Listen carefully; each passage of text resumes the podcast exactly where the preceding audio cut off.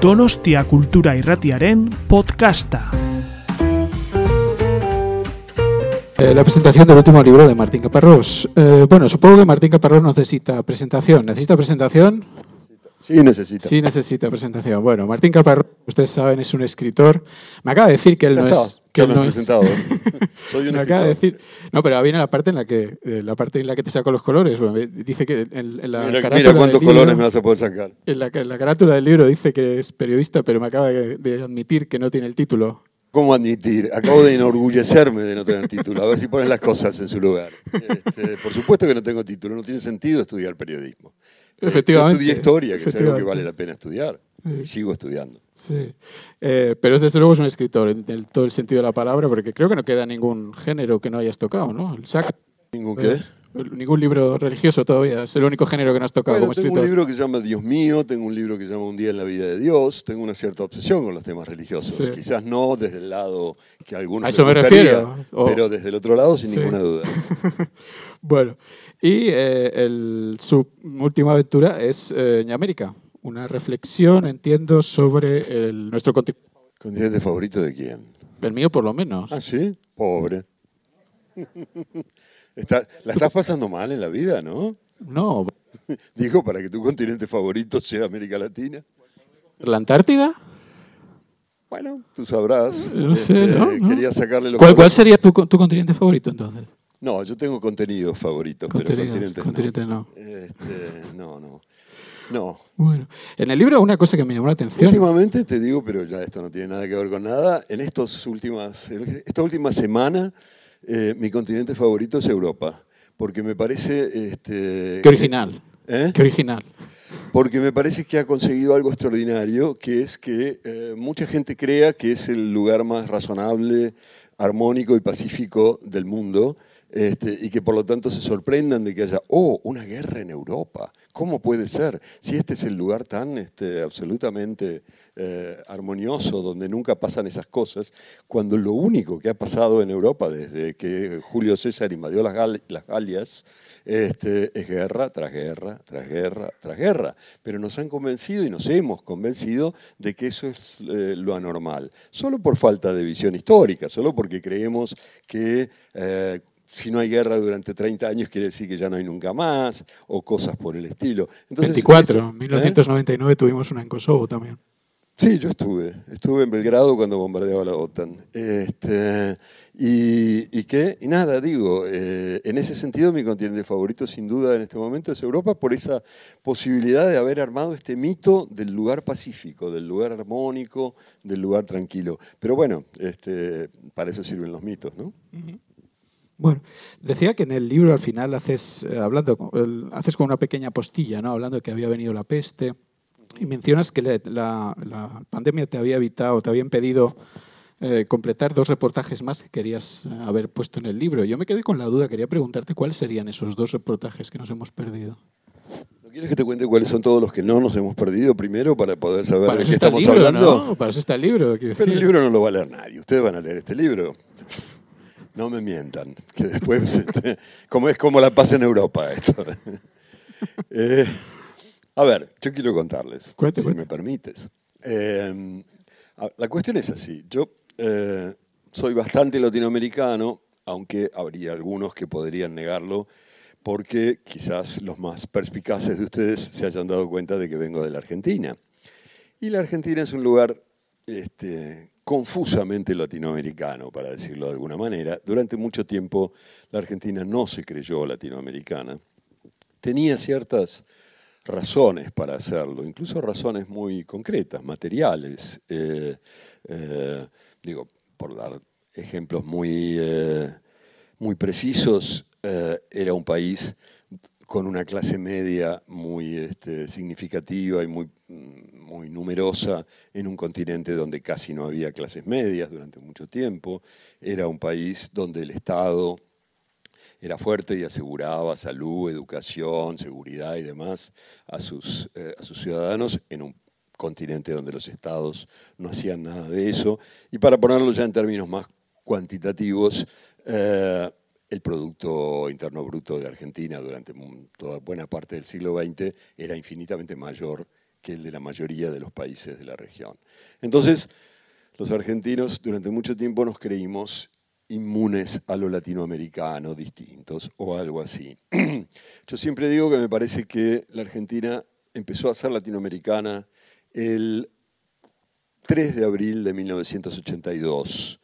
Eh, alguno de ustedes quizás este, recuerde vagamente que el 2 de abril de 1982 unos generales argentinos muy astutos invadieron las Malvinas. Eh, decidieron que ellos iban a derrotar a Inglaterra, porque los anteriores que habían intentado derrotar a Inglaterra eran todos bajitos. Este, el Napoleón, Hitler, gente muy bajita. Y ellos eran altos, entonces iban a derrotar a Inglaterra. Eh, bueno, supusieron también que iban a mm, tener el apoyo de todo el mundo libre o algo por el estilo, Estados Unidos incluido. A las 12 horas de la, invasión se dieron cuenta de que no tenían en absoluto el apoyo de todos los aliados históricos de Gran Bretaña, este, la OTAN este, y demás, etcétera. De la izquierda también. ¿Eh? vecino de la izquierda. ¿Cuál era el vecino de la Chile. izquierda?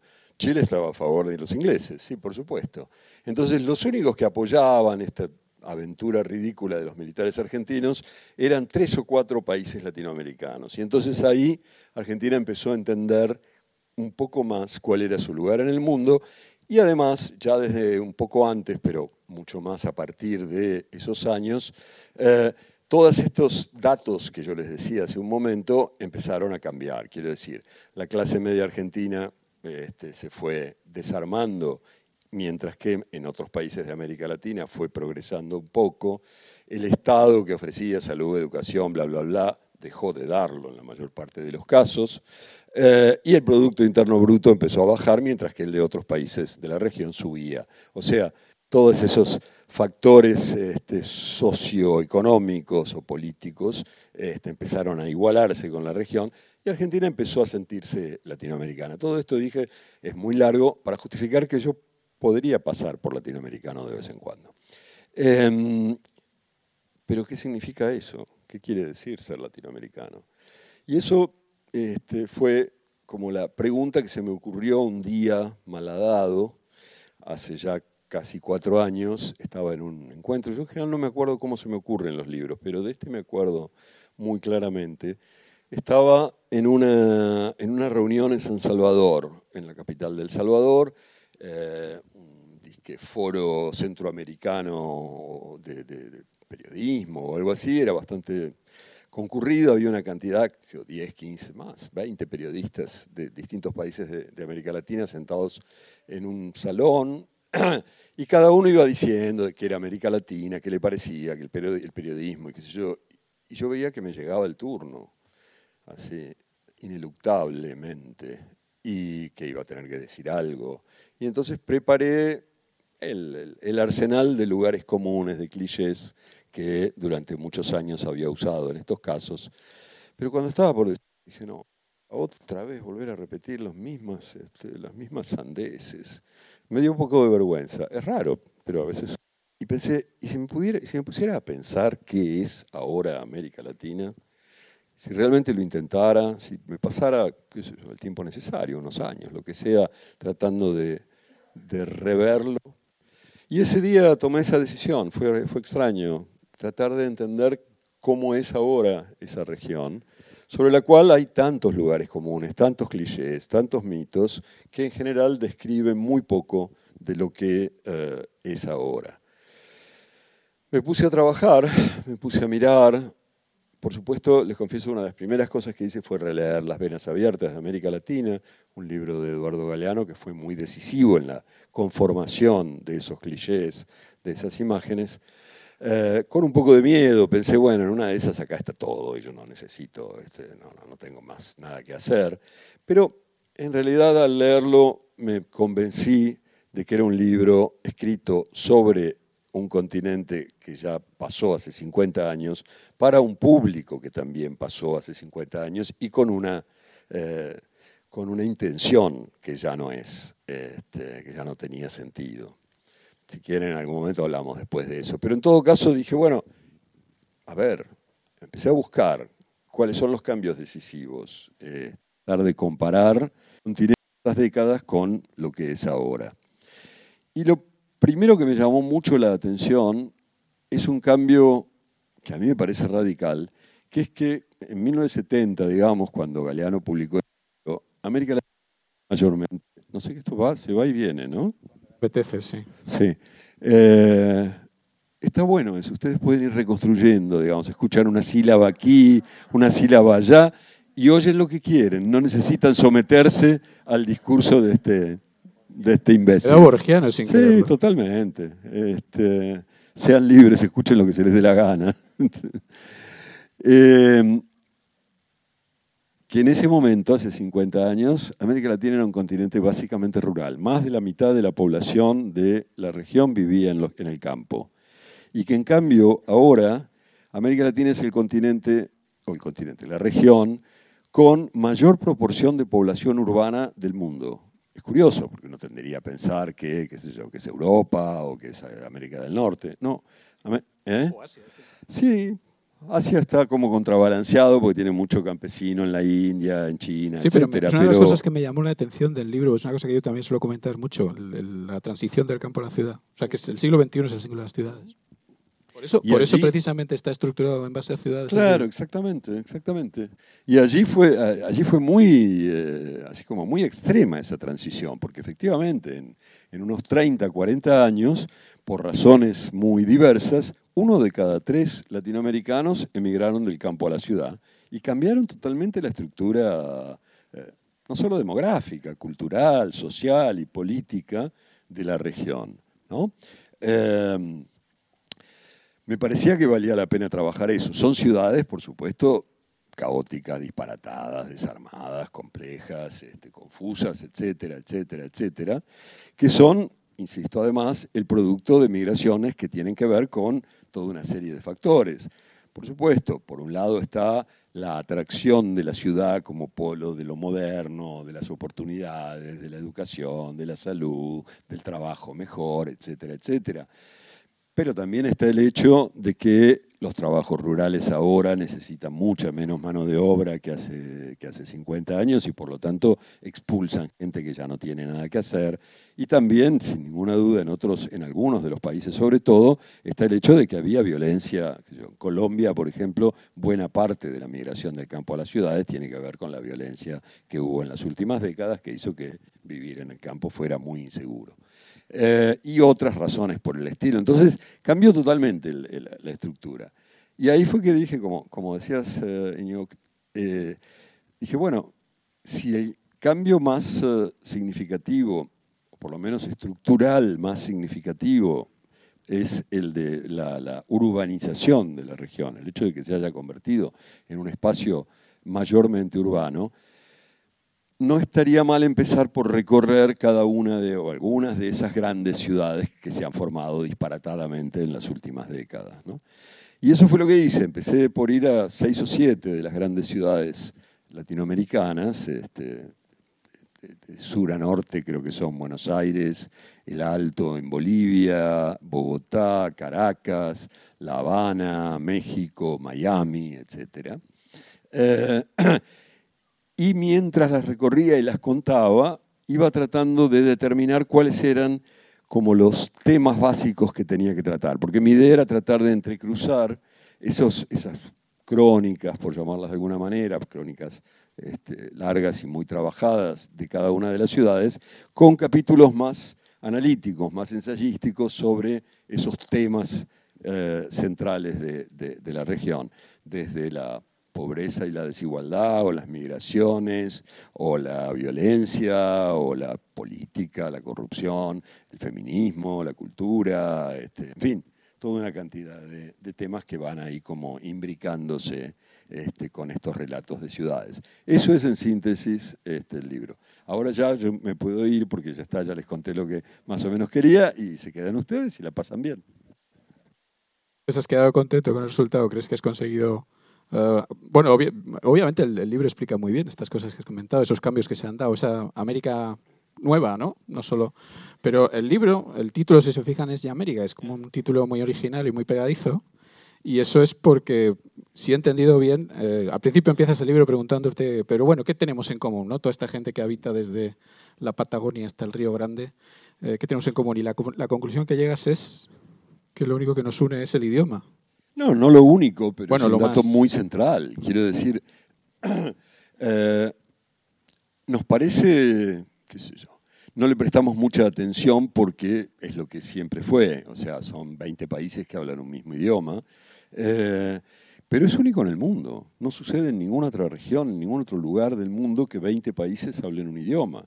Pasa así lo contrario, que dentro de un país se hablen 20 idiomas. Este, la India tiene 22 lenguas oficiales, por ejemplo, pero que haya 20 países que compartan un idioma, porque además compartir un idioma, insisto, no es solamente poder entenderse cuando uno charla de fútbol. Digo, compartir un idioma es compartir una historia, una cultura, unas maneras de pensar y ver el mundo, este, una cantidad de cosas. Por supuesto, con enormes diferencias según los lugares y los desarrollos y demás, etcétera. Pero es un dato muy central y me importaba, y me importaba tanto que eh, para poder trabajar bien este, este libro, decidí, bastante al principio, dejar fuera a Brasil, que no comparte esto. Este, Brasil tiene una historia muy distinta de la del resto de los países de la región. Eh, para decirlo en términos muy, muy rápidos, el tema es que el imperio español ocupó su territorio. Ustedes saben que pasó algo un momento increíble que habría que haber estado ahí. 1494, este Papa Alejandro Borgia este, este, firma en Tordesillas un tratado por el cual le da a España una mitad y a Portugal otra mitad. Y digo una mitad y otra mitad sin decir una mitad de tal cosa, que es lo que uno debería decir, porque nadie tenía ni ni la menor idea de qué estaban repartiendo. Imagínense, 1494. Colón había llegado a Guanajani en 1492. No tenían ni idea, pero repartieron el mundo en, dos, en, Dios, en, dos, eh, o en Dios, este, porque el Papa era Papa y le salía de la, toca esa que llevan, no sé cómo se llama. Eh, entonces con el reparto hasta que llegó Francisco I a preguntar quién había firmado aquello. Y sí, bueno, se quedaron felices. A mí también yo me quedaría feliz, me dan la mitad del mundo, yo digo, bueno, gracias papá. Este, ¿Qué más puede uno querer? Pero lo cierto es que en ese reparto, después fueron viendo, después fueron como llenando el mapa, ese vacío que el Papa había repartido, fueron viendo territorios, sitio. Y a partir de ahí, los occidental de América, este, buena parte, la mayor parte de América, y como ¿Eh? dices en el libro, la mejor parte. Yo creo que es la mejor, pero bueno, las playas son peores, pero el resto es bueno. No, no, yo creo que sí, yo creo que les hicimos el lío a los portugueses, nos quedamos con la mejor, lo que, de lo que se sabía en el momento nos quedamos con la mejor parte, luego ya... Bueno, era más poderosa España que Portugal, todavía en esa época, ya no sé, pero bueno, en esa época era más Portugal. Eh, no, y lo cierto es que España, el Imperio Español ocupó todos los territorios que le habían tocado, los subdividió, les armó como ciertas identidades, este, bueno, hizo, hizo con, ellos, con ellos ese imperio colonial que les duró 300 años. En cambio, Portugal no. Este, Portugal lo que hizo con el territorio que le tocó fue establecer tres o cuatro ciudades en la costa que le servían para exportar la caña de azúcar y alguna pepita de oro que se encontraban por ahí.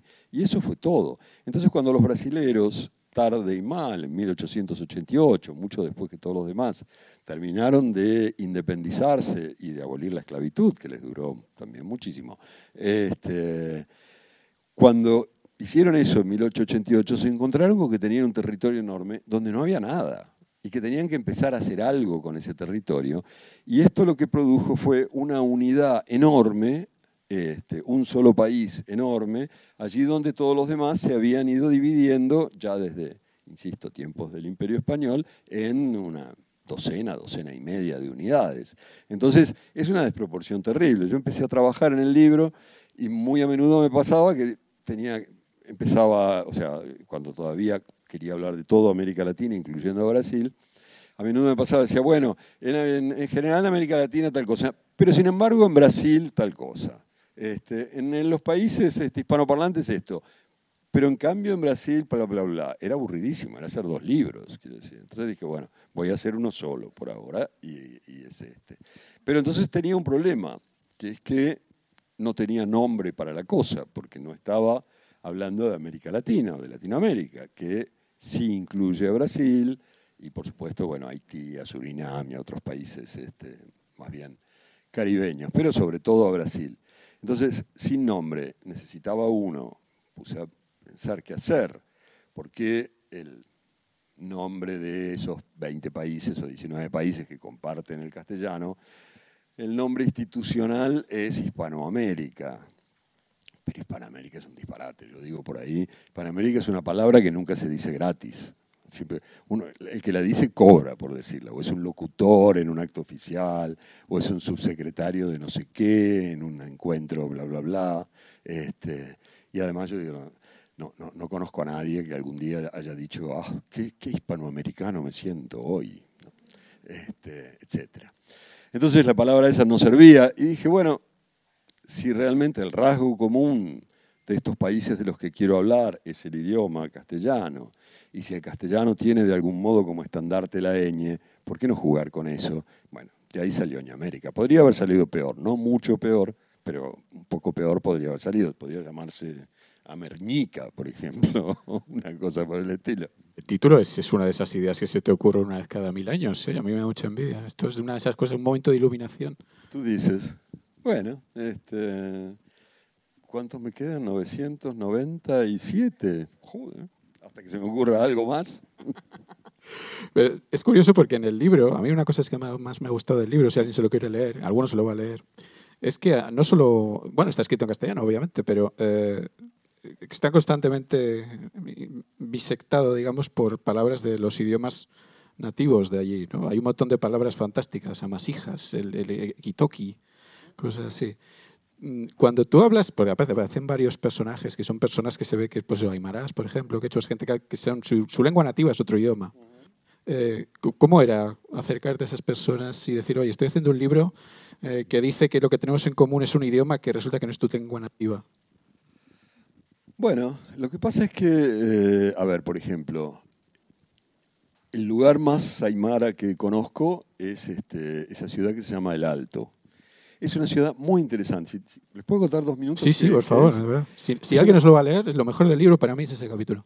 Este, es, un, lugar muy, muy, muy interesante, eh, al que yo que yo no conocía, porque uno de mis numerosos límites es la altura, digamos. O sea, yo la paso muy mal en lugares muy altos. Por eso estoy tan contento de estar acá. Estamos que a tres metros sobre el nivel del mar, probablemente, este, o algo así. Eh, pero en los lugares altos la paso realmente mal. Y yo estuve en La Paz en el año 91, dos veces, y me, me, salí arrastrándome, pero arrastrándome literalmente. O sea, me tuvieron que llevar hasta el aeropuerto y en una especie de sala de primeros auxilios que tienen en el aeropuerto, te ponen, este, te ponen oxígeno y entonces dices, oh, qué bueno que es el oxígeno para la vida humana, este, porque estaba vomitando, o sea, estaba mal. Bueno, la cosa es que no volví. En 30 años dije, no puedo volver, no sé, no, no, no, es un límite, hay que aceptar que uno tiene alguno, este, o algunos. Y, mm, pero cuando estaba ya como avanzado el libro, dije, no puede ser que yo no sea capaz de ir a ver de nuevo La Paz, El Alto, etc. Y me lo tomé con mucha calma, este, decidí hacer un proceso que me habían dicho que podía funcionar, que es llegar primero a La Paz, que está a 3.700 metros de altura, quedarme allí tres, cuatro días en un hotel así como haciendo nada, este, no caminar nada el primer día, 100 metros el segundo, un poquito más, ir haciendo como una adaptación. Y al final, al cabo de cuatro días, este, junté el coraje suficiente para subir al alto, que como su nombre indica, está encima de La Paz, está a 4.000 metros de altura. Eh, y digo, es un lugar muy interesante porque todas estas ciudades nuevas, de, no ciudades nuevas, todas estas ciudades en un momento, eh, están organizadas según un sistema más bien concéntrico, o sea, había una ciudad, Bogotá era una ciudad, México era una ciudad, Buenos Aires, este, la que fue Caracas, eran ciudades a las que fueron llegando todos estos migrantes del campo y fueron quedando, en general eran migrantes pobres, fueron quedando en los alrededores, armando estos círculos concéntricos un poco infernales, este, de espacios muy, eh, muy desestructurados, a veces violentos, a veces peligrosos, pero en, todos, casi todos los casos con muy poca infraestructura, con muy poca presencia de servicios del Estado, etcétera, etcétera. Este, y ese es el panorama clásico.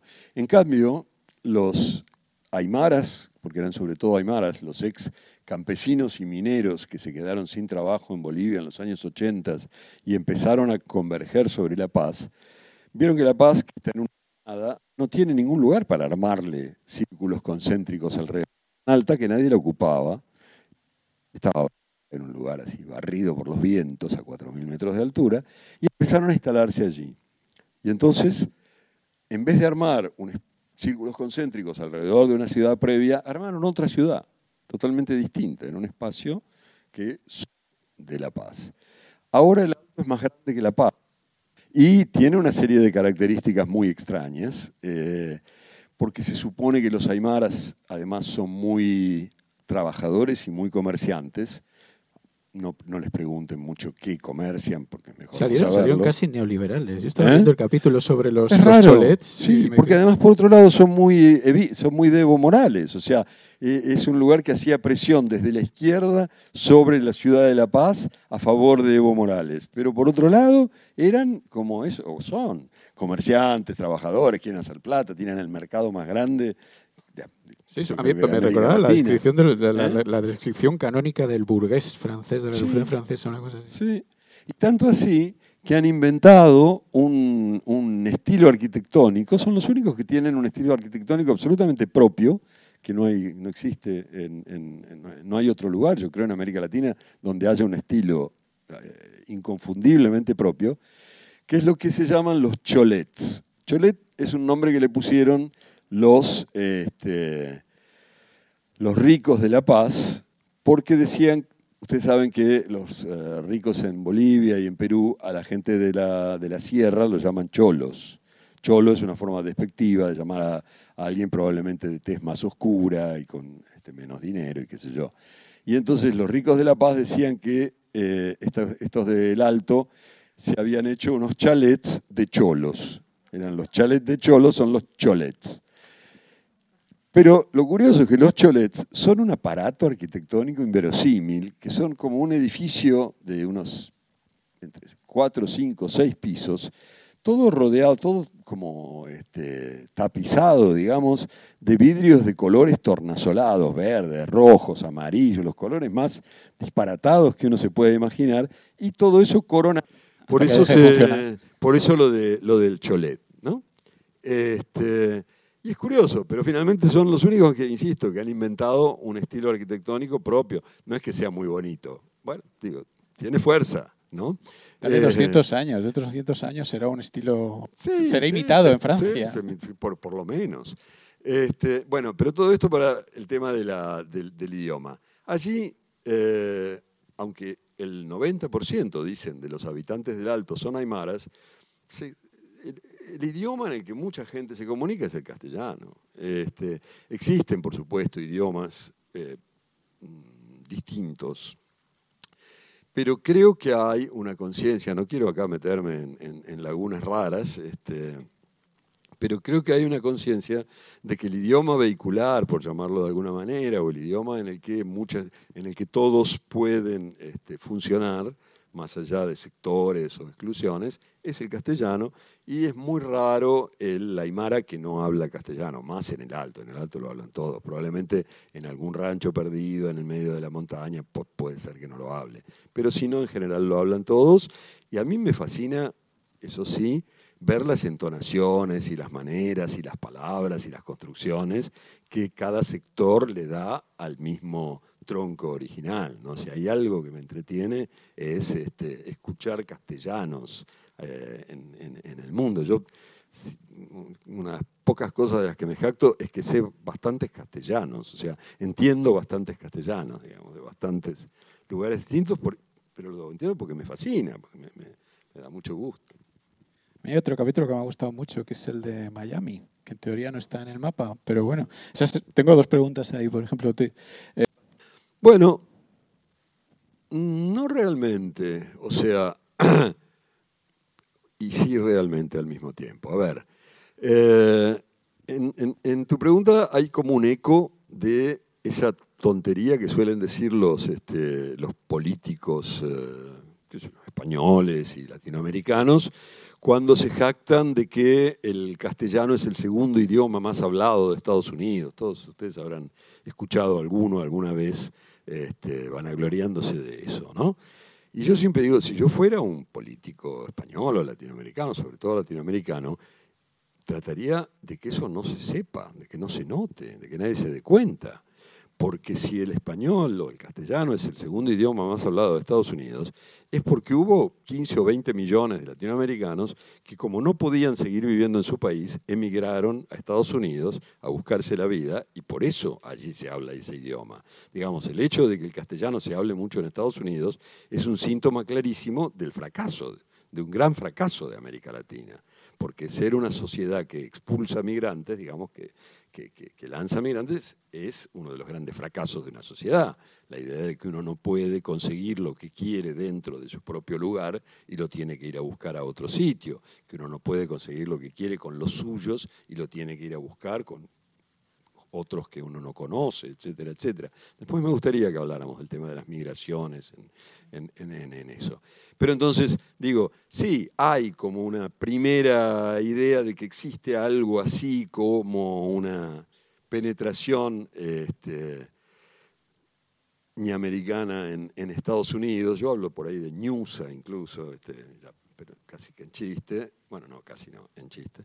Eh, pero por un lado tiene que ver con este fracaso y por otro lado no termina, eh, o sea, se reabsorbe. Lo que, Estados Unidos siempre fue una gran máquina de reabsorber culturas, digamos, este, desde el principio, quiero decir, este, cuántos millones de irlandeses llegaron cuando la hambruna de la patata en 1845, y después polacos, y después este, alemanes, y después eh, judíos centroeuropeos, y después italianos, eh, ni hablar, y así, y todos se van transformando en norteamericanos. Hay un, hay un dato que a mí me parecía interesante al respecto de cómo se arma esta supuesta este, castellanización o así de Estados Unidos, que fue hace como yo creo que 20 años más o menos, y a principios de, siglo, las dos o tres, las dos grandes editoriales, ah, pero entonces eran tres porque Alfaguara, porque Random no había comprado Alfaguara todavía, este, Alfaguara, Random y Planeta, decidieron eh, instalarse en Estados Unidos. ¿Por qué entendieron? Dijeron, no, acá hay una segunda generación, los migrantes originales eran poco letrados, poco leídos, pero ya tenemos, ya están sus hijos, que son gente que ha podido ir a la escuela, que probablemente quiere empezar a leer, este, etcétera, etcétera. Y se instalaron entonces las grandes editoriales españolas en Estados Unidos para vender a esa segunda generación libros en castellano. No vendieron ni uno, o sea, no quedó ni el perro, ahí se fueron este, se pasaron unos años en Miami muy agradables, este, con, con, dineros, este, con dineros madrileños o, catalanes, pero, pero no quedó nadie, ¿eh? porque rápidamente descubrieron que esa segunda generación que se había educado efectivamente en Estados Unidos, que se había educado en inglés, leía en inglés, porque, por esta cosa de la capacidad de absorción que tiene la cultura norteamericana y que siempre ha tenido. No querían hablar Y que además consideraban el castellano como una marca de pobreza, ¿no? Claro. Pero ahora también tenemos... Eso es un clásico. Eso pasó en la Argentina y en tantos lugares. Este, los hijos de los migrantes que hablan mal el idioma local, yo supongo que debe pasar en España probablemente también. Claro, no, quieren que, que reproducir esa forma excluyente en que sus padres hablan mal el idioma local. Lo que quieren es hablar el idioma local de la forma menos, este, menos excluida posible, más fluida posible y, e integrarse, no este, marcar la diferencia. Pero al mismo tiempo tienes también cada vez más... Mira, te han traído un micrófono. Para ti. ¿Para mí? Tú vas a hablar mucho más. a ver, a ver. Oh, no era el micrófono. No, decía que tal. Es verdad esto que dices, pero también un tiempo políticos norteamericanos anglos perfectos con sus ojos rubios, forzándose en hablar castellano para que les voten la gente de los distritos, de los, de los emigrantes. No sé, yo creo que estamos en un momento como interesante, no sé cómo lo ves tú. Sí, sí, sí, no, seguro que, este, que, se, ha, se, ha, convertido, el voto hispano se ha convertido en una fuerza con la que tienen que contar en Estados Unidos. ¿no? Este, de hecho, yo creo que en el, en el libro me lo cuenta un poco Jorge Ramos, que es este periodista muy conocido porque se opuso, de, o le gritó a, a a Trump en una conferencia de prensa. Es el periodista hispano más conocido en, Estados Unidos. A, ver qué te parece una idea que se me ocurrió leyendo lo de, lo de Miami, ¿no? Y el, el capítulo que dedicas también al, dices, el continente pop, ¿no? Yo, yo lo llamo la... Bueno, todos, todos, conocemos el concepto de la venganza de Moctezuma. ¿Eh? la, venganza de Moctezuma no era nada con la venganza que está perpetrando Latinoamérica sobre nosotros a través del ragatón. No sé cómo ves tú la cosa. Ya. Es raro lo del reggaetón. Tú, como latinoamericano lo puedes decir aquí en pequeño comité, esto, es, esto, está hecho a posta, ¿no? Esto es para esto es la venganza por 500 años de... Yo creo que ahí tu visión es un poco demasiado optimista, porque si lo hubieran este, tratado de hacer a propósito no les habría salido tan bien. No, este, no, no son tan buenos, no son tan tan buenos. No, es muy impresionante, pero creo que se, inscribe, en realidad, esto de que el reggaetón haya tenido el, el eh, que la pegada mundial que ha tenido era totalmente impensable. Eso es indiscutible, es un fenómeno global y es, eso queda ahí. Sí, sí. Este, pero yo eso no lo no, no tengo, de verdad no tengo ninguna explicación para eso. Si alguien pudiera saber por qué pasan esas cosas, claro, se llenaría de oro, ¿no? Este, quiero decir, se lanzan géneros, formas musicales sin parar a ver cuál queda y cuál este, consigue el tipo de repercusión que, por ejemplo, ha tenido el reggaetón. En medio de eso han quedado no sé cuántas este, olvidadas, tan justamente olvidadas como debería haber sido olvidado el reggaetón, pero por alguna razón, este, y es, lo que sí es curioso, yo trataba de pensar en el, en el capítulo este sobre el continente pop y demás, es como, para empezar, eh, la, los datos culturales, digamos, que se conocen de América fuera de, de, ella, la forma en que a primera vista se piensa América cuando no se la piensa mucho, tienen que ver con producciones de la cultura que habríamos hace mucho llamado baja, digamos, la cultura más popular, por oposición a la cultura más elaborada, etcétera, etcétera. ¿no? Este, claramente el reggaetón es uno de ellos, claramente el fútbol es otro de ellos, claramente el culebrón en sus distintas maneras es otro. Eh, y en cambio nadie identifica este, América Latina con Borges, este, claramente no. Entonces, eh, eso es un dato. Y pero no sé, no sé, no sé por qué. Tiene, me parece que se, se, inscribe bastante bien con un lugar común persistente sobre América Latina, que es esta cosa del calor, la sensualidad y la transpiración, digamos, ¿no? Este, que es uno de los lugares comunes más, este, en fin, más difíciles de romper, ¿no? Eso, no tiene... No tiene sí, ¿no? no tampoco es para sacar, para ponerlo en los museos, pero me parece interesante, bueno, interesante, me parece un fenómeno curioso, ¿no? Que de repente haya generado una industria mil millonaria, eh, cogiendo pues eso, elementos que estaban allí sin, sin un plan, como dices, ¿no? Pero, por ejemplo, enlazando con otra reflexión que haces, tú no hablas de la, estructura económica de Latinoamérica que siempre ha sido la misma y que le condena ¿no? a ser siempre el sitio del que se sacan cosas de la tierra para venderlas fuera y eso obviamente te pone en una situación de dependencia con el que te compra, ¿no? Eh, eh, bueno, también enlazaría con lo que decías antes de las migraciones. ¿no? Al final, la Latinoamérica, en América siempre va a tocar ser la que exporta, la que es explotada, la que es. A ver, déjame dar una vuelta por el lado de las migraciones y terminar ahí. Va a ser esto va a ser largo, pueden irse. ¿eh? no. Están cerradas las puertas, tranquilo. Uf. Eh, no.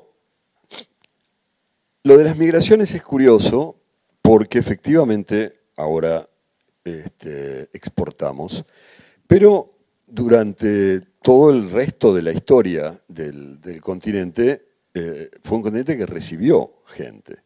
Y además de una manera muy precisa, digamos, y muy fácilmente descriptible. A diferencia de muchos otros lugares, de la mayoría de los lugares que uno conoce, donde la gente fue llegando, vaya a saber cómo, no se sabe, no hay registro, hay idas, vueltas, este, yo, en España si uno empieza a pensar este, la cantidad de procedencias que se fueron mezclando a lo largo de los siglos sin que se sepa muy bien ni cómo, ni, ni, ni cuándo, ni nada más. ¿De dónde salieron los tartesos? Por ejemplo, este, por no hablar de Pujaltras este, Mateixos, ¿no? De, ustedes mismos, señores euqueras. Este, pero, ¿pero qué? En cambio, en América Latina estuvo muy claro. Hubo cuatro grandes olas migratorias la primera de las cuales fue hace unos 20.000 años, cuando, como saben, el estrecho de Bering estaba congelado, y entonces unos señores de ahí, de Asia Central, empezaron a caminar y caminaban y caminaban, y como no tenían ningún impedimento, siguieron caminando y entraron, sin saber, sin tener ni idea de que lo estaban haciendo, en ese continente en el que hasta ese momento no había habido vida humana, ¿no? que era América. Esa caminata me, me fascina la idea, ¿no? De, eran, debían ser grupos chicos, porque en esa época los grupos eran todos chiquitos, eran como unas familias ampliadas, 50, 100 personas, 200 personas ya era una multitud impensable, ¿no? Y debían ir ahí, y entonces de tanto en tanto alguien, algún pater familias o quizás mater familias debía decir, este, bueno, este lago está bien, acá los salmones vienen solos, ¿por qué no nos quedamos? Este, entonces se, instalarían y después, al cabo de un par de generaciones, alguno se pelearía y diría, no, yo me voy allá, en esa montaña seguramente hay unos ciervos que voy a poder comer carne, estoy harto de comer salmón ahumado. Este, digo, cosas así, ¿no? Que poco a poco fueron caminando y caminando y caminando y terminaron por llegar a, todos los rincones de un continente que hasta entonces estaba vacío. Eh, y que además, eh, hacia el año 15.000 se supone, el, el, estrecho de Bering se volvió a descongelar y ya se cerró. Y durante 15.000 años no hubo más nadie que llegara hasta allí. Durante 15.000 años fueron esos que habían venido de Siberia o, en fin, de algún lugar del Asia Central. Ahí aparece la segunda ola, españoles, 1500, este, choque brutal, cambios eh, estrepitosos. Si quieren, después hablamos de eso. La tercera ola, probablemente la más violenta de todas, cuando esos mismos españoles secuestraron y llevaron africanos para hacerlos trabajar como esclavos en sus plantaciones, minas y demás, etc. Y la cuarta ola, que es este, quizás la más parcial en cuanto a los lugares donde fue, eh, la de los europeos pobres del sur, digamos, que fueron sobre todo al sur del continente, italianos, españoles sobre todo, que fueron más que nada al sur del continente, eh, más parcial digo, pero cuantitativamente mucho mayor que todas las demás juntas. Fueron varios millones de personas allí donde las otras eran, por ejemplo, todos los españoles que fueron en el siglo XVI a, América este, eran alrededor de 100.000. Este, no es un, que son dos anoetas, digamos, este, aproximadamente. Esos fueron todos los españoles que conquistaron y, poblaron, digamos, y reformularon América a lo largo del siglo XVI. Muy poca gente. En cambio, esta cuarta ola fueron 6, 7 millones de personas, 8 millones de personas. Eh, en, esa, en esas cuatro olas se armó todo lo que es la población del continente. Este, y se fue amalgamando, se fue mezclando, se fue armando algo distinto de cada una de las partes. Y eso es lo interesante que tiene, una mezcla, una suma, una, amalgama. Me gusta particularmente la palabra amalgama. Y después llegó la quinta ola, que es la primera que expulsa gente. Hace 20, 30, 40 años eh, empezó la migración, sobre todo hacia Estados Unidos, también un poco hacia algunos países europeos, eh, que insisto, como les decía recién, es un fracaso estrepitoso, quiero decir, que haya muchas personas en una sociedad que decidan que no pueden tratar de vivir como, como se merecen en esa sociedad, sino que tienen que ir a buscarlo a otra, es una declaración muy fuerte sobre esas sociedades.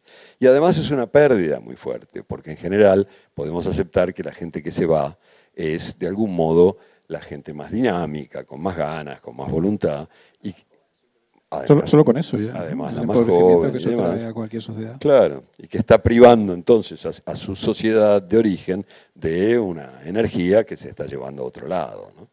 Este, todo esto para decir que, bueno, que el proceso migratorio tiene como toda una, una serie de etapas y de, y de, y de particularidades. Em, pero que a lo largo de estos últimos 500 años, efectivamente, eh, hay algo que siguió sucediendo siempre en la economía eh, americana, que es que siempre estuvo basada, como decías, en la extracción y exportación de materia prima.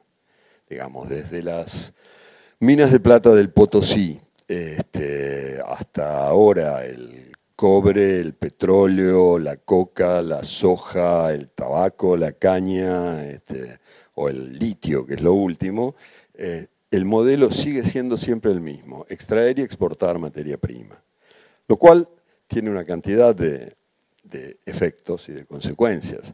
Para empezar, el hecho de que el poder político, llámese poder político al hecho de disponer de un ejército o o de 500 tipos a caballo con arcabuces o lo que sea. El poder político es decisivo, porque no hay una construcción económica. En, el, proceso clásico de la construcción de las burguesías europeas, etcétera, etcétera, está esta idea de, bueno, se va, este, hay, una acumulación de capital, con eso se pueden este, producir o crear ciertas máquinas que mejoran la forma de producción, se contrata gente, se les extrae plusvalía, este, se los hace trabajar, se les paga para que trabajen, se mejora, y al cabo de un cierto tiempo ese sector este, económicamente significativo obtiene poder político este, acorde a su peso económico. En América Latina, en cambio, cuando de lo que se trata es de extraer y exportar, eh, lo decisivo es tener el poder político necesario para apoderarse de las fuentes de esa riqueza. Y eso condiciona toda la, toda la, estructura de poder de, la región. Pero además hay una consecuencia muy brutal de esto, que es que cuando de lo que se trata es de extraer, no se necesita mucha mano de obra, digamos, y cada vez menos, por lo que decíamos, este, las técnicas están excluyendo cada vez más personas.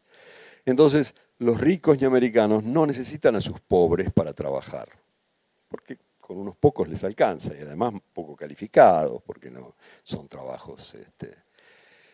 Por otro lado, tampoco los necesitan para consumir, porque el mercado no es interno, se exporta. Los ricos y americanos entonces no necesitan a sus pobres ni para trabajar ni para consumir, es decir, no los necesitan. Y por eso pueden darse el lujo de ser algo que efectivamente es el continente o la región, que es la más desigual del mundo. Porque esos ricos no necesitan a sus pobres. Quiero decir, otra cosa es si los necesitaran, insisto, para trabajar en, empleos un poco más calificados, para consumir, porque producen para ese mercado y por lo tanto tienen, necesitan que tengan un dinerito para poder gastárselo en esas cosas que producen. No, ni lo uno ni lo otro, sino todo lo contrario. Lo único que necesitan es mantenerlos más o menos a raya, que es en general la función de los estados eh, americanos. Yo lo, yo lo llamo estados contenedores y, este, y entonces hago siempre el chiste pésimo ese de que no son estados con cuchara, no son estados con este, cuchillos, son estados contenedores, perdonen, pero entonces ¿por qué no consigo este, sustraerme de la tentación de decirlo. Bueno, este, perdón, termino. Y estados contenedores, digo, estados que sirven para eso, contener a un porcentaje, en algunos casos cada vez mayor, de la población que está simplemente excluida de toda la, estructura social. Hay en muchos de los países de la región 20, 25, 30% de la población que está excluida, que es este, solemnemente pobre, digamos, porque no eh, hay forma de incluirla en el aparato productivo. ¿no? no es que no haya forma, porque en este esquema no se le incluye en el aparato productivo. Entonces, los ricos o más o menos ricos americanos se quejan de que pagan impuestos para nada. Eso es algo que se, escucha mucho ahí. Este, no, pues yo, ¿por qué, ¿por qué, tengo que pagar impuestos? Si pago, eh, una cosa es pagar impuestos si me dieran este, salud o educación o seguridad o esas cosas que dan en la sociedad de bienestar, etcétera, etcétera. Pero yo, ¿por qué voy a pagar impuestos si yo mando a mis hijos a un colegio privado, tengo un seguro médico, tengo un guardaespaldas ahí en la puerta? Yo pago todo eso privado. No, hermano, lo que estás pagando no es ni salud, ni educación, ni, este, ni seguridad, ni ninguna de esas cosas, sino que te tengan a los pobres más o menos controlados, que los tengan en general este, con subsidios, este, asistencialismos diversos y demás, y a veces cuando eso no funciona, con represión pura y dura. Ese es el rol de los estados por esta forma de organización, digamos, de la economía y, de, la política en esos países. Perdón. Si te parece, eh, dos cosas más antes de acabar. Estamos ya, nos quedan siete minutos y luego si has dicho que te gusta la amalgama de Yamaika, pero me ha contado un pajarito que lo que no te gusta son las patrias. te digo porque siempre está esa idea, ¿no? Al final, claro que hay un montón de cosas en común, ¿no? pues eso, desde la Tierra de Fuego hasta el, hasta el Río Grande. Eh, pero siempre hay algo que evita que eso se convierta en otra cosa, que no sea simplemente una realidad compartida, o sea, eh, cultural, digamos, o lingüística, o una afinidad no se convierta en otra cosa más ah, sofisticada, por decirlo de alguna manera. No sé cuál es tu visión sobre eso. Yo me había olvidado. El otro día alguien me recordó que en un momento del libro de Doña América hablo de las patriañas, este, la patraña de la patria, la patriaña. Pero mm, a ver, es muy curioso porque desde que, iba a decir desde que tengo uso de razón, como si tuviera algo de eso, pero bueno, las frases, ¿cómo te, traicionan los lugares comunes? ¿no? Te hacen decir cada cosa que uno dice, yo puedo haber dicho desde que tengo uso de razón, pero ¿por qué? Es muy raro. Hablar es, es un deporte de riesgo, este, pero callarse es peor. Eh, entonces, Digo, no, cuando te calles es cuando no se nota que eres tonto, ¿no? Era el dicho era algo así. Es mejor no A mí me gusta, me gusta cuando callo porque estoy como ausente. este, eh, uno de los poemas más machistas de la historia de la, de la poesía. ¿Qué, ¿Qué, porquería que era Neruda, ¿no? Madre mía. Eh, bueno, nada. digo, vengo escuchando desde siempre la idea esta de la unidad latinoamericana, tenemos que unirnos, bla, bla, bla, pero por lo menos 50 años más, 50 años que yo lo escucho y antes se decía Hombre, Bolívar ya salía con esa idea, creo recordar, ¿no? Bueno, pero Bolívar era antes de, digamos, pero desde después, desde, qué sé yo, yo citaría a alguien mucho menos este, coqueto que Bolívar, que es el general Perón, que este, con perdón de la cita, este, solía decir el año 2000 nos encontrará unidos o dominados, cuando el año 2000 era una utopía inimaginable. Eh, hablando de, América Latina, el año 2000 nos encontrará unidos o dominados. Nos encontró este, desunidos, dominados y todo eso, no nos encontró quizás, pero bueno. Eh, digo, lo cierto es que se viene hablando de esa especie de cosa de la unidad latinoamericana desde siempre, pero lo que se viene haciendo desde hace 200 años es exactamente lo contrario, es construir la desunión. Esos son los países, digamos, en una región este, donde podrían haberse hecho, si acaso, algunos pocos países, qué sé yo, se hicieron 20. Este, y es laborioso construir un país en el sentido de convencer a los habitantes de un determinado territorio de que son distintos de los habitantes del territorio que está justo enfrente del otro lado del río. Es un esfuerzo de, ideológico fortísimo. Este, y, laboriosísimo y complejo, que a veces funciona. Solo, pensar en el trabajo de hacer 20 hinos nacionales. Por ejemplo, todos, todos horribles, además, este, todos llenos de sangre y de cosas por el estilo. Eh, y digo, para empezar, es obvio para qué sirve eso. Yo, este, un ejemplo, digamos. Este, si uno es parte de la, digamos, del grupo de poder de Quito, en Ecuador, ¿no? que está ahí en el medio de la sierra, en un lugar muy andino y, demás.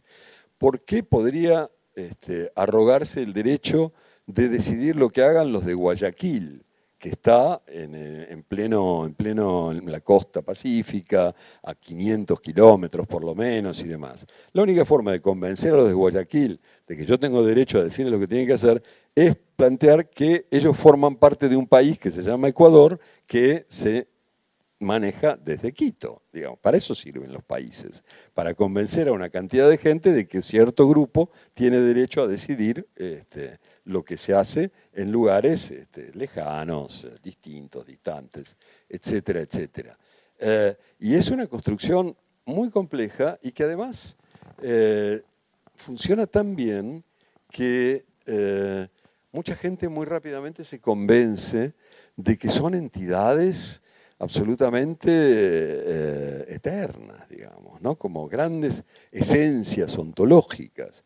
¿no? Y yo digo, cuando uno se pone a mirar qué, lugares son países, digamos, este, sí, qué lugares constituyen países, en América está clarísimo, hace 200 años ninguno de los que existían, de los que ahora existen, existía. Pero en muchos otros lugares pasa lo mismo, incluido, este, qué sé yo, Europa, una vez más, eh, donde hay muchos países que tienen 30 años. Eh, y sin embargo, estamos convencidos de que son este, eso, eh, unidades esenciales e inmutables. Van cambiando, todo el tiempo van cambiando, pero nos convencen de lo contrario. Digo, este, patria que acabemos con el Pachacutic, en el fin de los tiempos. No. Digo, nos hemos dejado Managua, has hecho la lista de las ciudades y nos hemos dejado Managua. Ah, Managua. Que también me parece uno de los capítulos más interesantes, porque ahí hablas de la revolución, que es otra cosa que siempre está como planeando cuando se habla de América, ¿no? Sí. Eh, bueno, no, supongo que tendrás tú una visión mucho más inmediata y mucho más profunda de, la situación social ahora mismo en Latinoamérica. ¿no? Bueno, aparte de lo que viene de, económicamente con la pandemia y todo esto, ¿tú crees que estamos a las puertas de algo parecido a un ciclo revolucionario o algo así? Va, va, la gente, yo creo que la gente está caliente, bueno, en todas partes, ¿no? pero en América especialmente las desigualdades les van a empujar a la calle y eso crees? En el libro das una respuesta, pero por si quieres eh, elaborar sobre eso. A ver, lo que pasa es que eh, yo lo que creo es que efectivamente, o sea, las condiciones en que muchísima gente vive, todo esto que decíamos hace un rato, son muy duras, son muy difíciles de soportar. Eh, y entonces esto lo que produce de tanto en tanto son esos estallidos, ¿no? Que yo digo, lo que funciona allí es la lógica del estallido. O sea, se acumula presión, se acumula cabreo, se acumula este, mal humor social y en algún momento, según los lugares, eso explota. Este, y entonces durante un X tiempo, según también los lugares, hay mucha gente en la calle, hay peleas, hay enfrentamientos, hay gente que quiere que se sepa que no quiere vivir así y que querría vivir de otra manera. Eh, el problema es que en general, en la mayor parte de los casos, está muy claro qué es lo que no queremos, pero no está en absoluto claro qué es lo que sí. Y por eso eh, esto termina siendo un estallido, porque lo que no hay es una idea de construcción, de qué se podría construir. Eh, hay una idea de esto, de cómo no querríamos, pero, pero no de qué podemos hacer. Y, eso no es, eh, digo, en América Latina se ve muy claramente porque las situación está muy tensa por estas desigualdades brutales y demás. Pero eso es algo que pasa en todo el mundo y que creo que es una característica muy, eh, probablemente la más distintiva de la época que vivimos. Yo tiendo a creer que hay épocas que de algún modo eh, imaginan un futuro que querrían poner en marcha, que han conseguido como eh, sintetizar, cristalizar esa idea de futuro que querrían este, poner en marcha, y épocas que no, en general porque la idea previa, digamos, de futuro deseable, de algún modo dejó de funcionar, este, se demostró, qué sé yo, incapaz o se realizó de una manera más o menos incompleta. Digo, para no hablar así tan en abstracto, durante buena parte del siglo XX había mucha gente que creía que el socialismo era esa forma de futuro que quería construir, que, valía la pena construir porque produciría sociedades mucho mejores, vidas mucho este, más vivibles, etcétera, etcétera. Bueno, eso, por lo menos en su forma del siglo XX, fracasó estrepitosamente en este, la Unión Soviética, en China, etcétera, etcétera. Y nos quedamos sin una síntesis de cómo querríamos entonces construir de ahora en más. Este, y entonces el futuro no se nos aparece básicamente como promesa, sino como amenaza. Vivimos en tiempos en que el futuro es amenaza. Estamos todo el tiempo asustados con la amenaza ecológica, la amenaza demográfica, la amenaza política. Digo, todo lo que pensamos del futuro, salvo ciertos pequeños incisos técnicos, es amenazador. Este, porque, insisto, Incluso, incluso esos incisos, si me permites. ¿no? Toda esta gente que está pensando si va a perder el trabajo porque van a robotizarle. Sí, o peor, o si la inteligencia artificial en algún momento nos va a superar y nos va a dominar, ¿no? Este, o sea que también, la, efectivamente. Este te, digo porque a mí me gusta mucho decir que estamos constantemente bajo el, peligro del apocalipsis. Yo lo uso mucho. Sí, los apocalipsis tienen la ventaja de que, digamos, la característica más clásica de los apocalipsis es que nunca se realizan. Yo últimamente pensaba que los apocalipsis son como los virus, ¿viste? Este, para retomar una metáfora de época, los virus saben que tienen que meterse en los cuerpos que atacan, pero que no tienen que destruirlos, porque entonces se quedan sin sostén. A los apocalipsis les pasa lo mismo. Si algún apocalipsis se realizara, no habría más lugar para que hubiera apocalipsis. Entonces, este, la, astucia del apocalipsis consiste en, como la del virus, infiltrarte sin este, llegar a, Matar, pero no demasiado. Claro, exactamente. Este, pero efectivamente, sí, vivimos en un, tiempo así. y en América Latina eso se ve muy claro. Eh, y por eso todos estos estallidos que ha habido en los últimos cuatro o cinco años, de los cuales eh, el, de, Nicaragua es un ejemplo en el que yo estuve y por lo tanto cuento con bastante detalle, eh, terminan, en, terminan en nada. Ahora hay una situación que este, rompió con esa lógica, afortunadamente, que es la de Chile. Eh, en Chile ustedes saben que hay un gobierno que todavía no asumió, que va a asumir en estos días, que eh, fue elegido en elecciones de hace muy poco tiempo y que está dirigido por un presidente muy joven, Gabriel Boric, 36 años, curioso, muy joven, pero no tan joven porque en realidad el candidato natural era otro, que tiene un año menos, y como en Chile está obligado el candidato presidencial a tener por lo menos 35 años, el que tenían que tenía 35 era Boric. Si no hubiera sido el otro, que ahora se me fue el nombre, este, pero tenía 34, entonces no lo podían, no lo podían poner de candidato.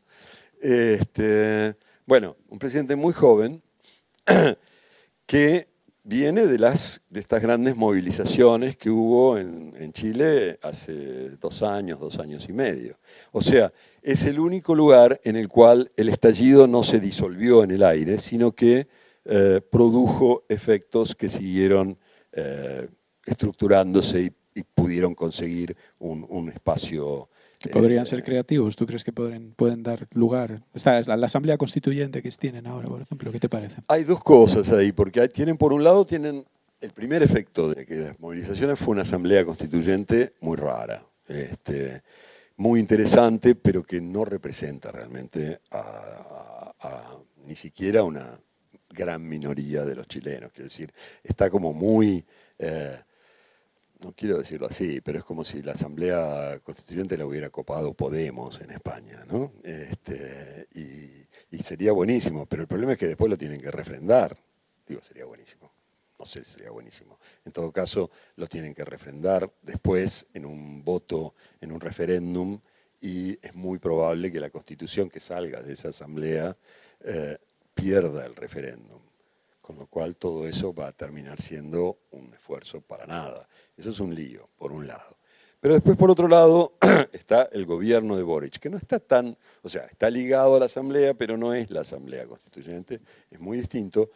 Em, y ahí hay algo extraño, porque a mí me parece muy esperanzador que ese, gobierno, en la medida en que no está en que es el primero, desde que hubo esta idea de que había izquierdas en América Latina que gobernaban, idea que yo en general eh, critico y contesto. Yo, una de las cosas que más me impresionó eh, averiguar trabajando para este libro fue un dato muy simple, que es que eh, en los 15 primeros años del siglo XXI, en que bueno, una cantidad de gente en América Latina salió de la pobreza más extrema, esos que, las proporciones de población que dejaron de ser pobres no fueron mayores en los países que decían que tenían gobiernos de izquierda que en los países con gobiernos de derecha. ¿Se entiende?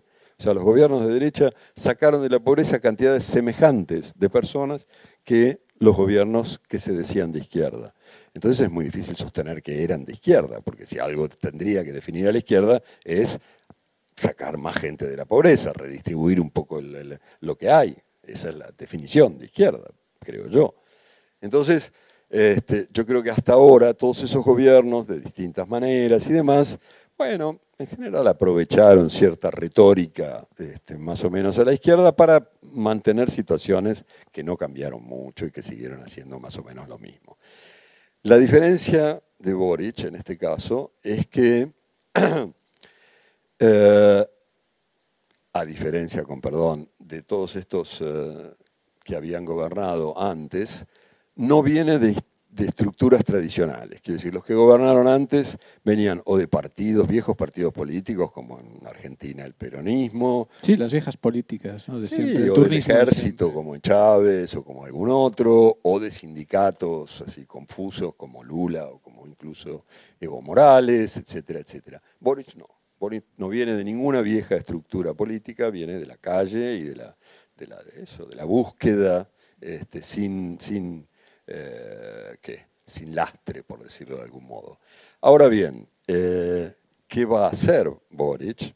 Este, yo me tomé un poco el trabajo de, de mirar sus programas y demás. Y la cuestión es que va a actuar sobre el país más neoliberal de América sin ninguna duda y probablemente de buena parte del mundo. Quiero decir, ahí Pinochet lo hizo muy, muy claro. Las políticas neoliberales allí.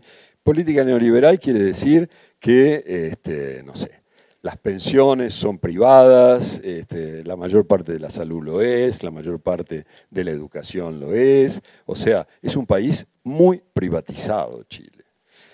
La ambición de Boric es hacer un poco más público todo eso que está en privado. Le va a costar, va a tener que pelear, por ejemplo, para hacer que las pensiones sean este, públicas en lugar de ser fondos de ahorro privados con los cuales unos bancos especulan en, las bolsas.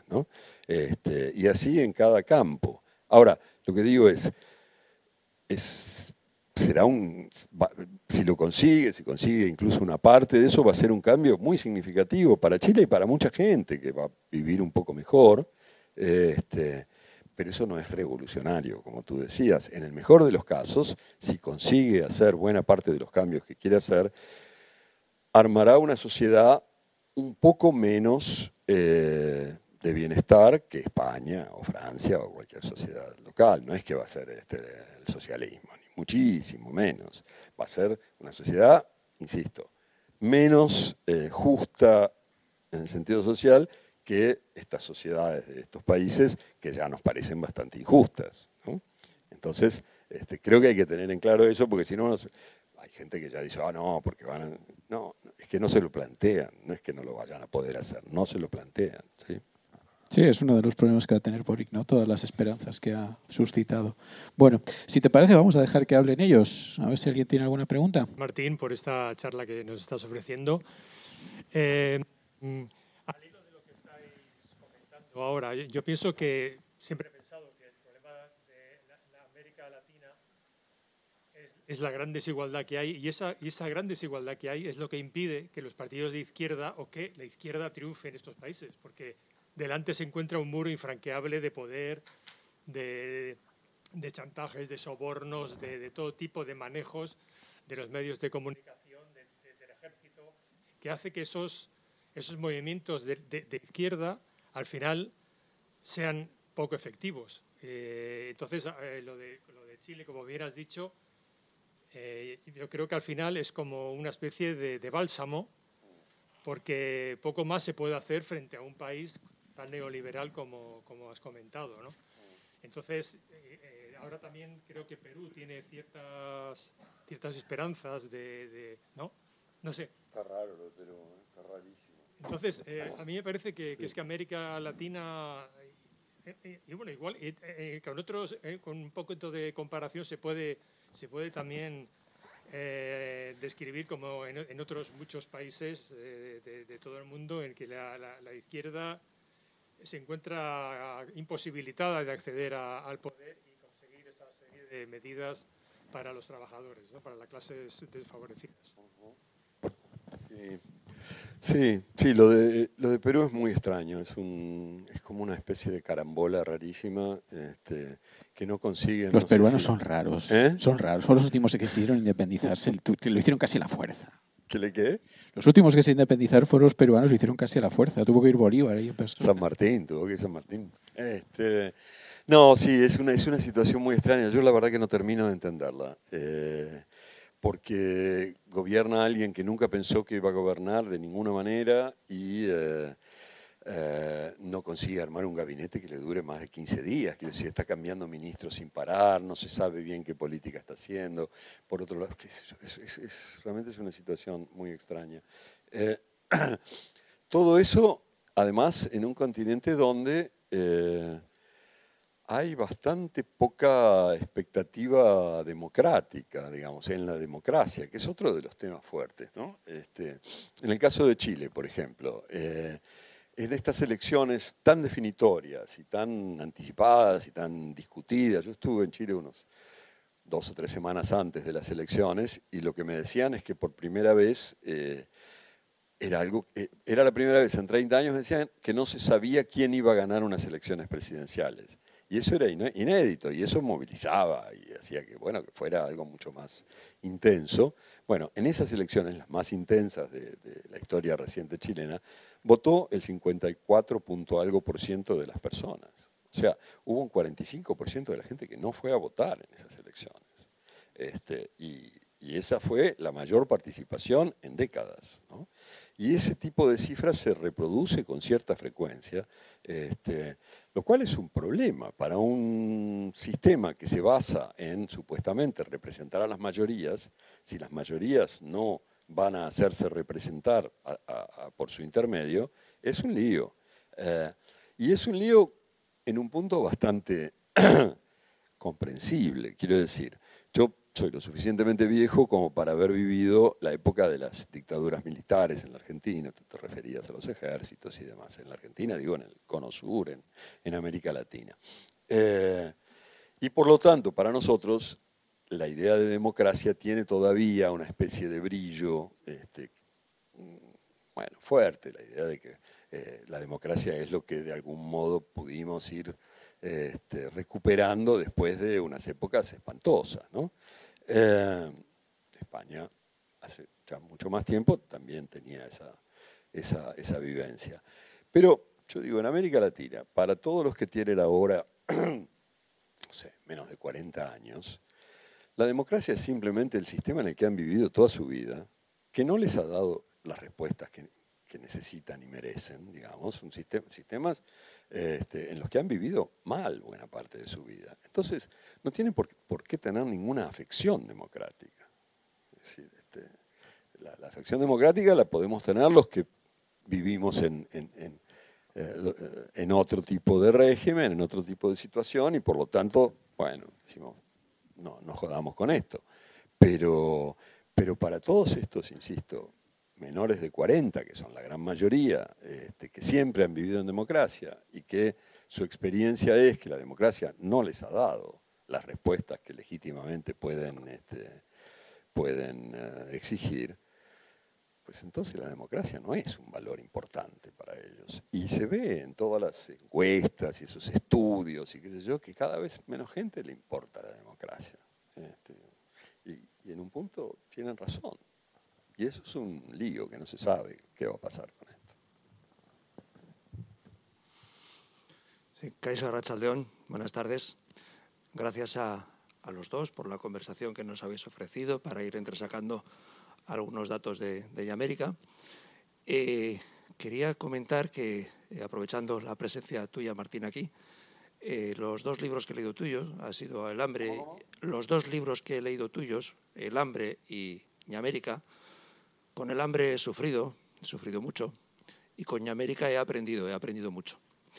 Eh, eh, con el hambre, eh, la parte que he sufrido, una de las más emocionantes que he tenido, son esas conversaciones que tenías con, bueno, con, los sufridores de ese hambre de, a pie, ¿no? esos momentos tan, tan íntimos, tan emotivos, que yo creo que lo transmitías tu propia emoción también en esos momentos y a mí por lo menos me llegaba. con América he aprendido también sobre todo de esos momentos, además de, muchos datos que, ofreces, perfectamente documentados, con lo cual nos hemos aprendido a colocar un poquito más muchas de las diferencias que, que no palpábamos de América, pero también he aprendido sobre todo con esos momentos de conversación con los habitantes del Alto, con las aldeas de México, con los habitantes de La Habana, entre otros lugares. Y me gustaría preguntarte eh, cómo vivías tú esos momentos, porque yo cuando lo he leído eh, me ha llegado, eh, me ha llegado creo que parte de la emoción que tú mismo sentías eh, en esos momentos. Es que ricasco. Gracias. a mí todavía me sorprende que haya gente que, me quiera contar su vida. Este, me sorprende y me, emociona. me, da tanto gusto poder sentarme y que alguien se pase un rato largo contándome eso, cómo es su vida, qué quiere, qué piensa, qué siente. Eh, si hay algo que, me importa de este, no sé, oficio o como quiera que esto se llame, es que te da una especie de patente de corso para, para que te cuenten historias, para meterte en lugares donde, donde si no uno no se metería y entonces poder escuchar a otros. Es muy fuerte, a mí a veces me impresiona lo encerrados que vivimos, ¿no? Vivimos en mundos chiquitos, vivimos en los mundos en los que estamos, con nuestro trabajo, nuestra familia, nuestro barrio, etcétera, etcétera.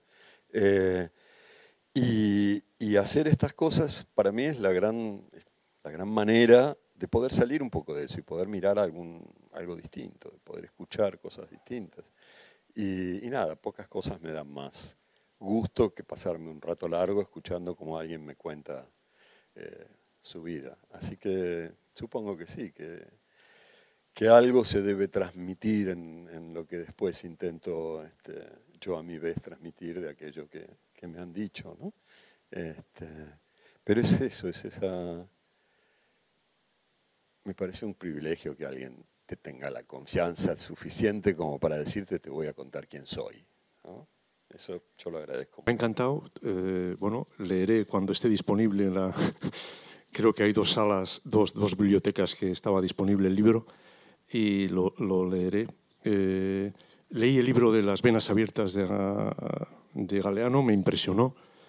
Eh, sí, eh, quizás has hablado de la patria, del Estado, la creación del Estado. Mm, Manuel Guineche decía en su visita a, Senegal, en el año 1960, que eh, parecía eh, que faltaba un Estado en, África, que las tribus, eh, que el problema de África era la, conversión de tribus en Estado, que no se había desarrollado esa, bueno, ese, ese, paso. ¿no? Creo que el Estado como estructura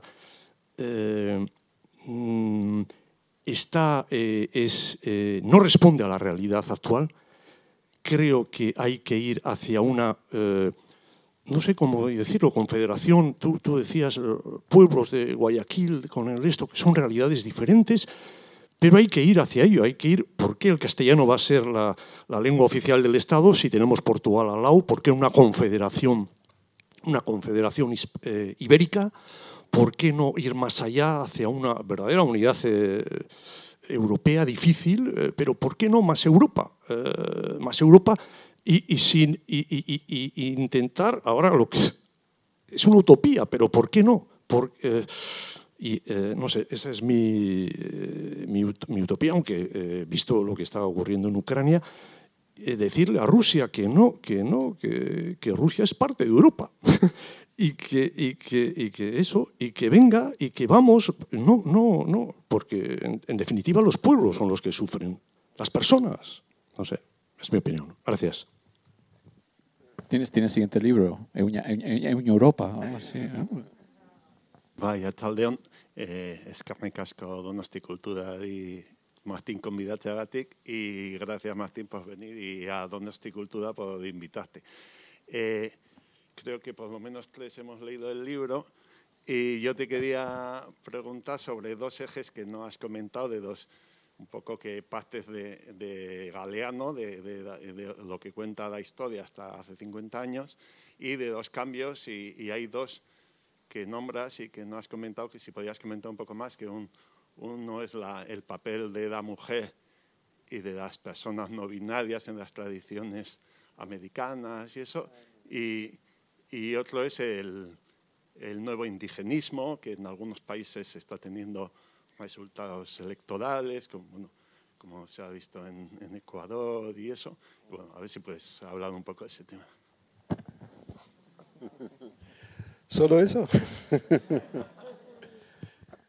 eh, a ver, bueno, para empezar, sobre el tema de, de, de los movimientos eh, de los movimientos feministas, bueno, yo comentaba creo hace un rato que, que son los más, este, los más exitosos en los últimos quizás 20 años en el, en el, continente, ¿no? Eso sin ninguna duda. Eh, eh, son los que han... Pero también yo creo, creo que eso tiene que ver también con algo relacionado con lo que decíamos hace un rato de la, de la imaginación de un futuro, que es que eh, los movimientos identitarios, si se pudiera poner en, el mismo, en, ese mismo saco a, por ejemplo, los movimientos feministas o los movimientos indigenistas, pero que en definitiva tienen en común este, el hecho de basarse en la identidad de sus, de sus este, integrantes. Eh, los movimientos identitarios no necesitan imaginar un futuro, en sentido amplio y complejo. Lo que necesitan es, o lo que hacen es, reivindicar para sus eh, integrantes lo que los demás tienen, digamos. ¿no? Yo creo que si lo digo en el caso de las mujeres se entiende, eh, se entiende bien, ¿no? O sea, el, feminismo en muy grandes rasgos y con perdón, este, consiste simple, simplemente, y nada, y nada menos, nada más y nada menos, que en que las mujeres tengan todos los mismos derechos que durante mucho tiempo no tuvieron y que sí tenían los hombres. Es, si hay que sintetizarlo de una manera muy burda, es eso.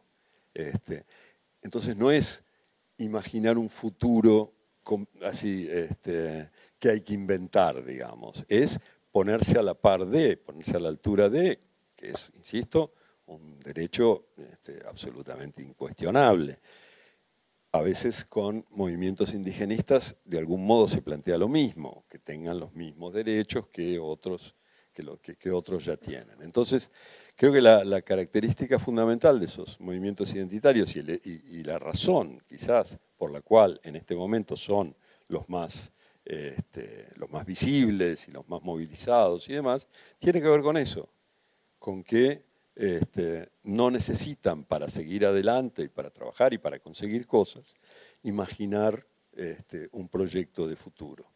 Eh, dicho lo cual, eh, dicho lo cual, ¿qué? Uf. Dicho lo cual, eh, puedes decir. Ah, no, no, porque estaba, no, estaba el tema de los, de los no binarios, que, que quería hacer un pequeño comentario que eso es una... Eh, a mí me llamó la atención, eso, eso es, eh, yo a veces en el... Creo que les dije, los capítulos, el libro está organizado en capítulos, que un capítulo es una crónica de una ciudad, bla, bla, bla, y otro capítulo es un tema, este, como por ejemplo este. ¿no? Y a veces dentro de los capítulos de temas incluyo fragmentos de crónicas que he escrito a lo largo de los treinta y tantos años que me pasé recorriendo la región y tratando de contarla.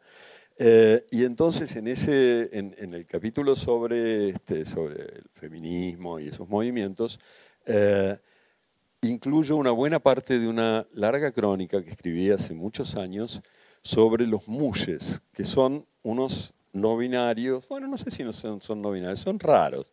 Este, en, un, en, una comunidad eh, básicamente indígena del de, istmo de Tehuantepec, que es el, sur de México, la parte en que México ya se, se pone muy estrechita, hay una ciudad que se llama Juchitán, donde em, algunos hombres se eh, travisten, digamos, eh, y se convierten en mujeres, pero en mujeres de su casa, por decirlo de una manera rara. O sea, mujeres en el sentido más antiguamente tradicional de la expresión, en amas de casa. Muchas veces son hijos menores de familias este, que se quedan y hacen eso para cuidar a sus padres, una vez que los padres ya este, quedan ancianos y demás, y andan vestidos de mujeres y cocinan y hacen este, todo lo que hacen las mujeres más tradicionales. Y era muy raro, porque uno en general eh, asimila el, travestismo, digamos, a una ruptura con esa condición este, femenina sometida tradicional. Este, y en cambio los mushes hacían eso. Yo lo que contaba en esa crónica era cómo un pequeño grupo, porque esto de los mushes además viene de, siglos, o sea, es una tradición que viene, probablemente sea precolombina. ¿no? Entonces lo que contaba es cómo había un pequeñísimo grupo de mushes, cuatro o cinco, que querían romper con esa idea de travestirse para ser mujeres tradicionales y travestirse para ser mujeres contemporáneas, digamos. Este, y nada, y esa es una historia curiosa. Esa historia me la rechazaron en casi todos lados.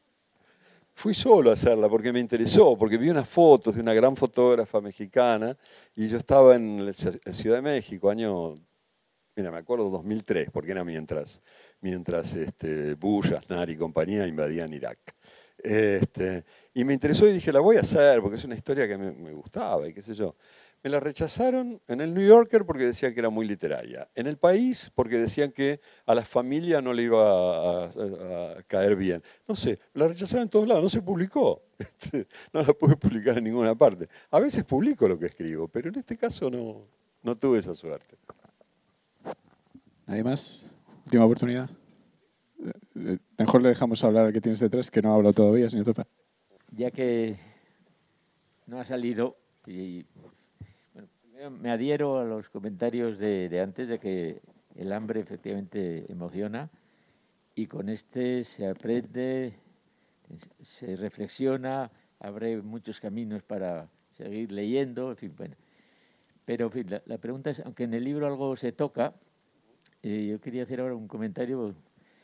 En Bergoglio, desde la perspectiva europea y española también, parece un cambio extraordinario, inesperado en el mundo, bueno, en el aparato del Vaticano, ¿no?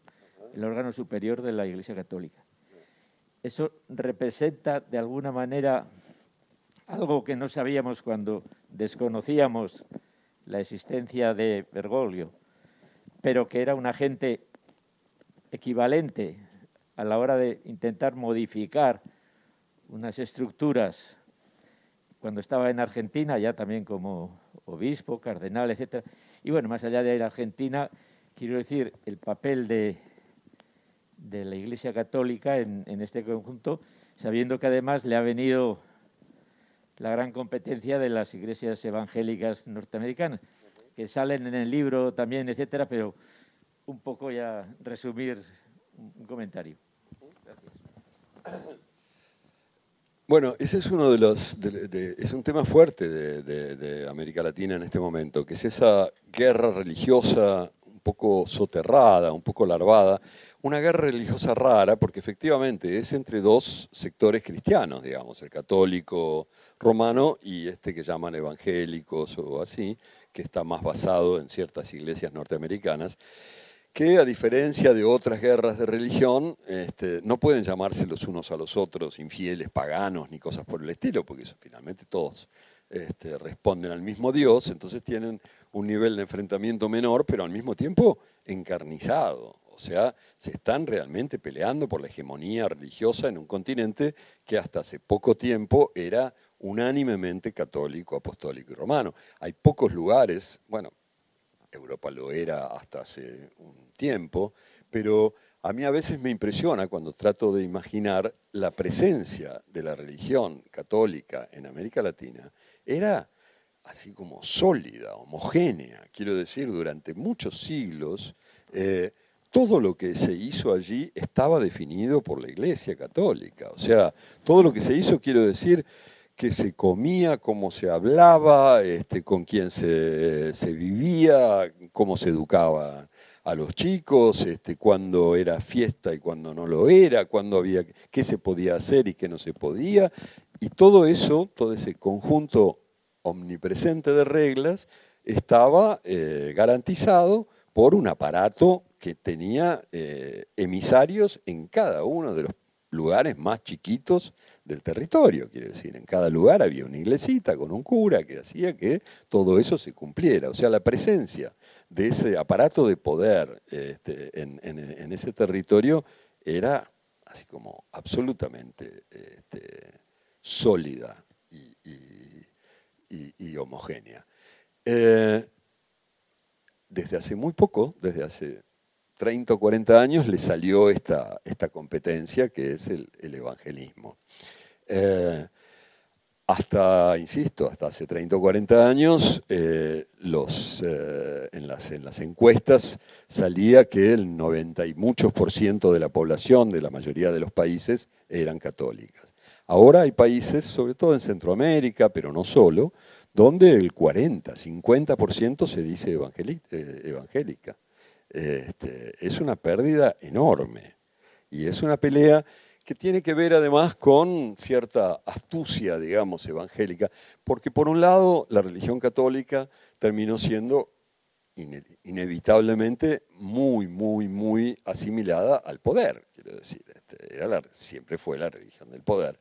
Y además se volvió cada vez más ritualista, más hierática, más este, así como eh, ajena, digamos, allí donde los evangelistas aprovecharon para hacer una cosa mucho más eh, personal, mucho más descontracturada, mucho y además, y yo creo que eso tiene más fuerza todavía, eh, crearon lo que un sociólogo que yo cito llamó teología de la prosperidad, que es la idea de que si Dios, de que Dios no te va a ayudar en la otra vida, te puede ayudar en esta.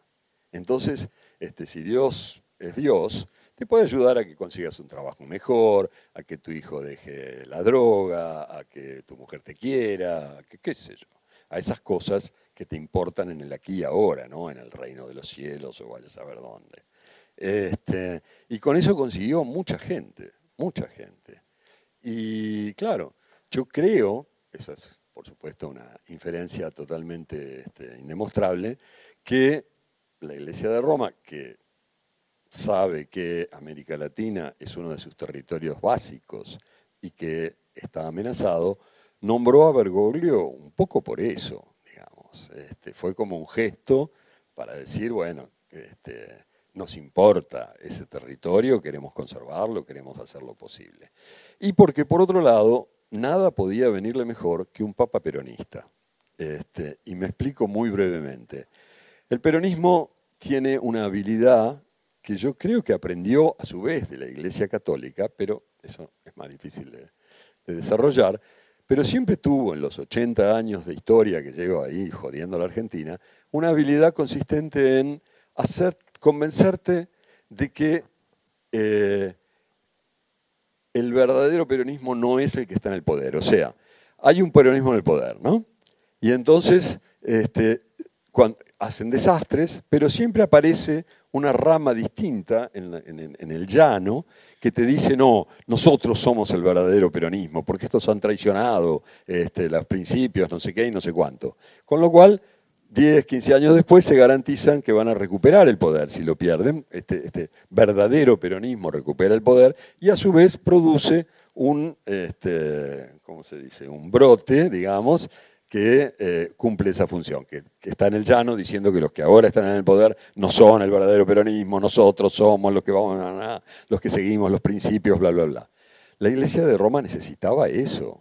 Necesitaba alguien que pudiera decir, esto que está ahora en el Vaticano no es la verdadera iglesia de Roma, este, porque la, la imagen general que estaban dando en el mundo era tremenda, digo, entre banqueros corruptos y pedófilos desenfrenados, este, necesitaban a alguien que fuera y, además todo esto apoyando a los grandes del, mundo y a los ricos y a los no sé qué, no sé cuánto.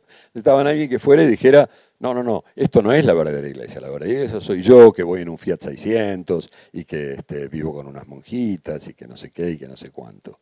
Eh,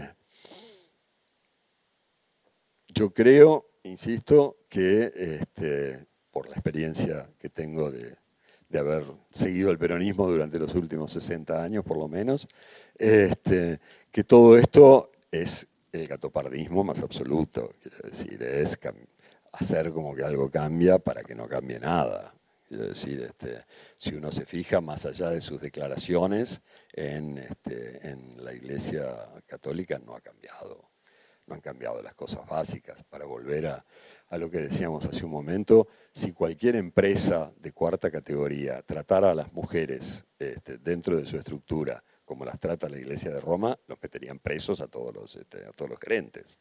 Este, sigue siendo una institución de un machismo desenfrenado en un momento en que eso ya no se lleva. Y Bergoglio no parece estar muy interesado por esa cuestión. Eh, ni por tantas otras. Pero bueno, este, yo, argentino. Bueno, eh, eh, acabamos con este señor, no hay ninguna, más, ninguna pregunta más. ¿Les parece? ¿Aguantan cinco minutos más? ¿Sí o lo dejamos por hoy? ¿Sí? Que sea breve, ¿eh? Faltaba, faltaba eso. A ver, trataré de ser, trataré de ser breve. A mí las, este, las, bravatas de López Obrador me, suenan a, nacionalismo de manual, digamos, que consiste en decir la culpa la tienen los otros. Eh, digo, lo que hicieron los españoles que conquistaron América hace 500 años fue tremendo. Eh, pero también era tremenda eh, la estructura política y social que había en América antes de que llegaran los españoles. Este, de hecho, eh, por eso los españoles conquistaron México, por ejemplo. Si no, digo, 500 desarrapados andaluces jamás habrían podido conquistar semejante estado. Solo pudieron hacerlo porque había miles y miles de locales que estaban, que estaban desesperados este, porque vivían bajo una tiranía donde literalmente se los comían crudos, quiero decir, no es una metáfora. Entonces, para empezar, crear una especie de paraíso precolombino este, totalmente falso es muy burdo, porque eh, efectivamente este, esa sociedad pre, precolombina era tremenda. Y lo cual no quita que después el desastre de la, de la conquista también lo fue, quiero decir, hubo este, la cantidad, el genocidio en sentido literal que la conquista produjo, no siempre voluntariamente, en muchos casos, porque como saben, llevaron enfermedades para las cuales no había anticuerpos en América, pero en muchos casos sí, hubo violencia directa y hubo una explotación tan brutal que, se, que mataban a la gente haciéndola trabajar y demás. Este, todo eso es cierto, pero más allá de la falacia de la invención del paraíso precolombino, este, los estados latinoamericanos ya llevan 200 años. Entonces, es muy difícil postular que la culpa de lo que pasa en nuestros estados, que pasan muchas cosas de las que mucha culpa tenemos muchos, este, tengan que ver con lo que sucedió en 1521. yo este, yo vivo en Madrid, digo, este, y la sanidad, la sanidad en Madrid es una catástrofe últimamente. Pero echarle la culpa de eso a Carlos III es un poco raro. Este, entonces, eh, mi, idea es que sí, eso. Es ese peronista, Carlos III. ¿Eh? Carlos III es peronista. No, era neoliberal, me parece. Pero sí, sobre eso. Eh, las personas. Este, es muy difícil definir quiénes son las personas. Eh, Hay, por supuesto, gente que, lo, que, que- que se toma en serio ese tipo de, de bravata nacionalista y hay, y hay otros que no, qué sé yo. No, no, no. Me parece, insisto, me parece que son como esos clásicos este, globos que se echan por ahí para ver si distraes un poco, para ver si, si la gente habla de otra cosa que de lo que, este, que de- lo que realmente importa. Pero es un globo particularmente torpe para mi gusto, no sé, más allá de otras personas, me parece particularmente torpe por esto que decía, porque crea un- una sociedad precolombina que nunca existió y porque pone el acento en algo que dejó de suceder hace 200 años y de lo cual ya estamos lo suficientemente mayorcitos como para hacernos cargo, me parece. Bueno, muchas gracias Martín. Muchas Al gracias a contrario. ustedes por venir.